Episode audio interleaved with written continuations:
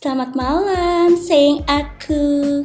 Kenalkan, aku Madam E yang akan memandu sorak-sorai acara Sayang, Sapaan Cenayang. Di episode perdana kali ini, aku mau bacain gimana sih zodiak ketika putus cinta. Oke, kita mulai ya. Aries, katanya suka senggol becok alias emosi jiwa. Aduh, bye-bye, jangan asal main bacok-bacok, Cin. Tapi kalau dibacok cinta sama cowok ganteng, ya jangan nolak. Taurus, katanya sih pelariannya ke makanan, belanja, pokoknya foya-foya deh.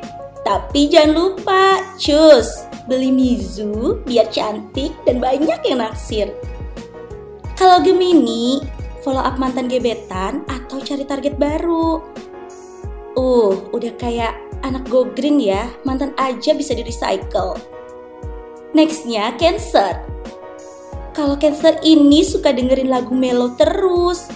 Oh, berarti anaknya metal alias melo total.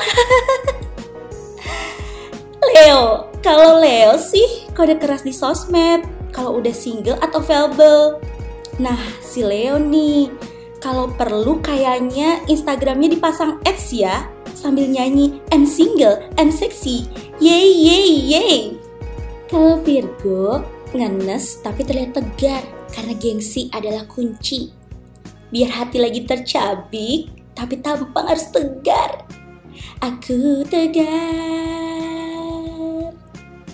Iya, itu dia ramalan dari Madam Abe untuk hari ini episode perdana dari Sayang alias Sapaan Cenayang.